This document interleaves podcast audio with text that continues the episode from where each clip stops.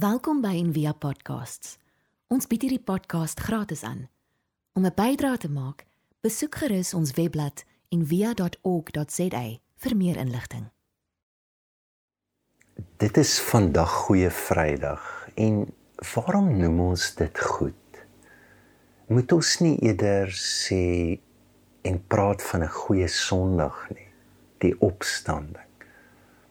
Wat is goed in hierdie dag as jy die verhale lees dan dit ontwrig jou.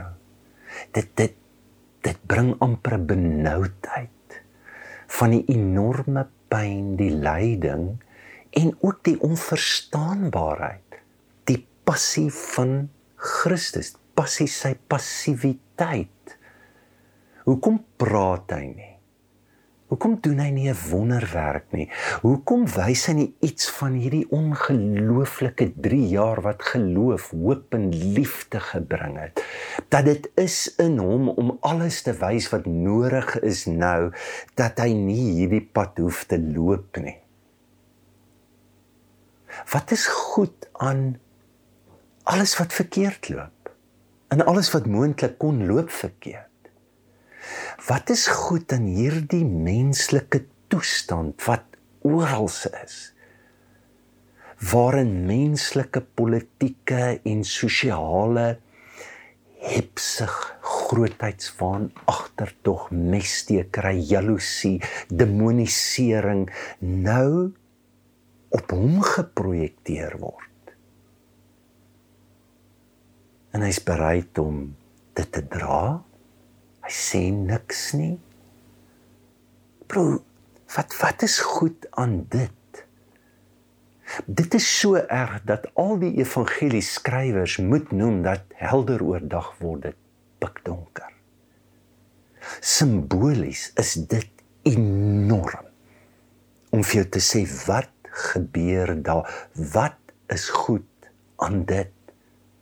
Van lig wat donker word van liefde wat vrees en haat word van lewe wat besig is om stadig dood te word.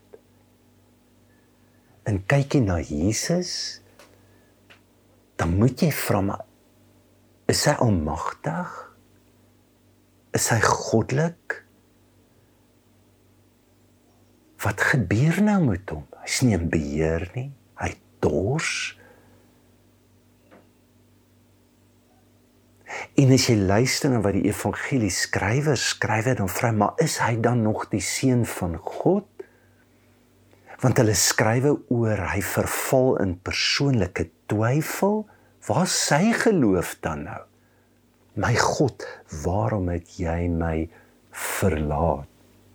Wat is positief hieruit? Wat se gawes daar vir ons in dit? Sy nalatenskap, die spore, die voetstappe, dit wat hy geloop het, word uitgewis in 'n oomblik. Ek dink om te probeer verstaan wat in hierdie verhaal aangaan, dink ek ons moet twee vlakke skei. Dit wat op die oppervlak gebeur, maar ek dink dan dit wat binne Jesus besig is om te gebeur. Net oor die oppervlakte. Kom ons los eers die teenstand, sy vyande. Dink vir 'n oomblik net aan die godsdienstige mense. Mense naby aan hom. Hulle gee maar oor aan pessimisme. Wonder hoe mens Jesus voel oor sy lering, oor dit wat hy probeer doen, dat mense so naby aan hom, soos Petrus, soos Judas, wat ook nou nie meer daar is nie. Broodie, die verlatenheid, die geïsoleerdheid, die pyn, die teleurstelling. En dan aan die kruis is daar vrouens wat daar bly wat maar die die verhale gee ook die indruk dat hulle is hulle is papgeslaan, hulle is verlam, hulle doen niks nie. Hulle is maar net daar. En hierdie menslike, sosiale, politiese drama wat uitspeel is is donker. Dis donker en dit wys vir jou 'n doek van die slegste kant van die mensdom aan die een kant en aan die ander kant wys dit vir jou die skynbare stilte van God. Waar is hy? Hoekom kom hy nie? Hoekom praat hy nie? Ek dink op 'n dieper vlak gebeur daar iets in Jesus se siel. En hy probeer antwoord gee op hierdie massas, die paranoia. Die krete wat uitgebulder word kruisig hom die die remoer die oproer die besetenheid van mense en dan hier diep binne van maar hoe? Hoe moet ek dit aanvaar wat hier gebeur? En wat kies ek nou vir my in dit wat met my gebeur? Hy word gevra en hier sien ons die grootste godsdienstige en morele drama van van die menslike bestaan. Liefde stry met haat. Vertroue stry met paranoia. Vergifnis stry met bitterheid. Dit is amper asof hy ween Getsemane is. En daar het hy bloed gesweet en daar moes hy kies en dit was duidelik wat wou hy kies. Here kan nie. Ek wil nie help my, help my, maar nogtans nie my wil. En hy gee oor. En die een verhaal sê 'n engel kom en versterk hom. Ek dink hy wat 'n bemoediging is dit nie dat God deur 'n engel kom. Ek ek voel die asem van God as hy dit help my. En en ek het moed en dan gaan hy 'n dag later is daar nie 'n engel nie. Is die asem van God nie meer by hom nie. Hy stok siel alleen. Wat kies hy? Hierdie skynbare verbanning of verlatenheid van God is in dit wat Jesus se keuse moet maak. Hy moet liefde kies. Hy moet vrede kies. Hy moet in die donkerste uur van sy lewe moet hy vertrou. En dis wat hy doen. En dit is wat goeie Vrydag goed maak. Dat Jesus kies nie wat hy kan verstaan nie. Jesus kies nie wat hy voel nie want dan sou hy nooit hierdie keuse kon maak nie. Maar Jesus kies ten spyte van dit wat met hom gebeur, gee hy oor aan God. Want die verhaal eindig nie by my God, kom het jy my gelos nie, nê. Iets gebeur ook met hom. Vader in u hande gee ek my gees oor.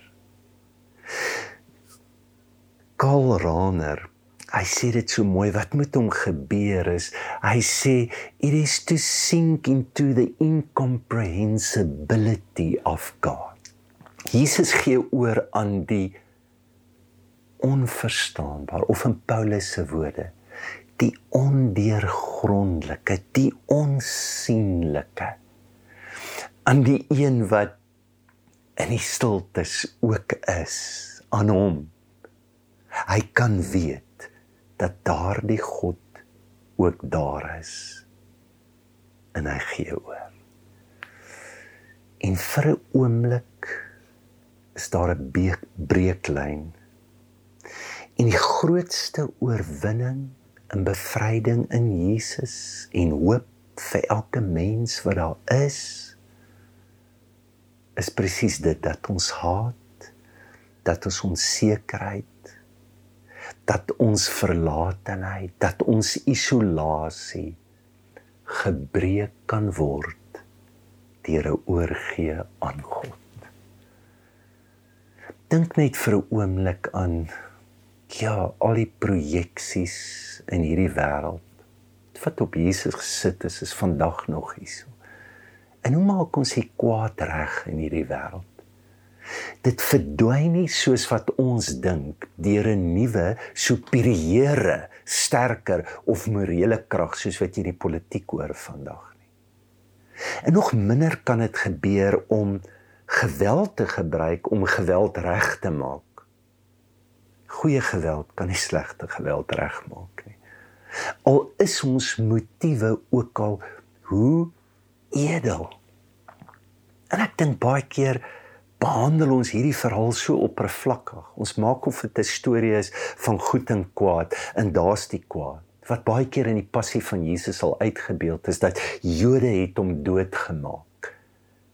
Is is nie die verhaal nie. Die verhaal lei ons in om ons self in dit te sien.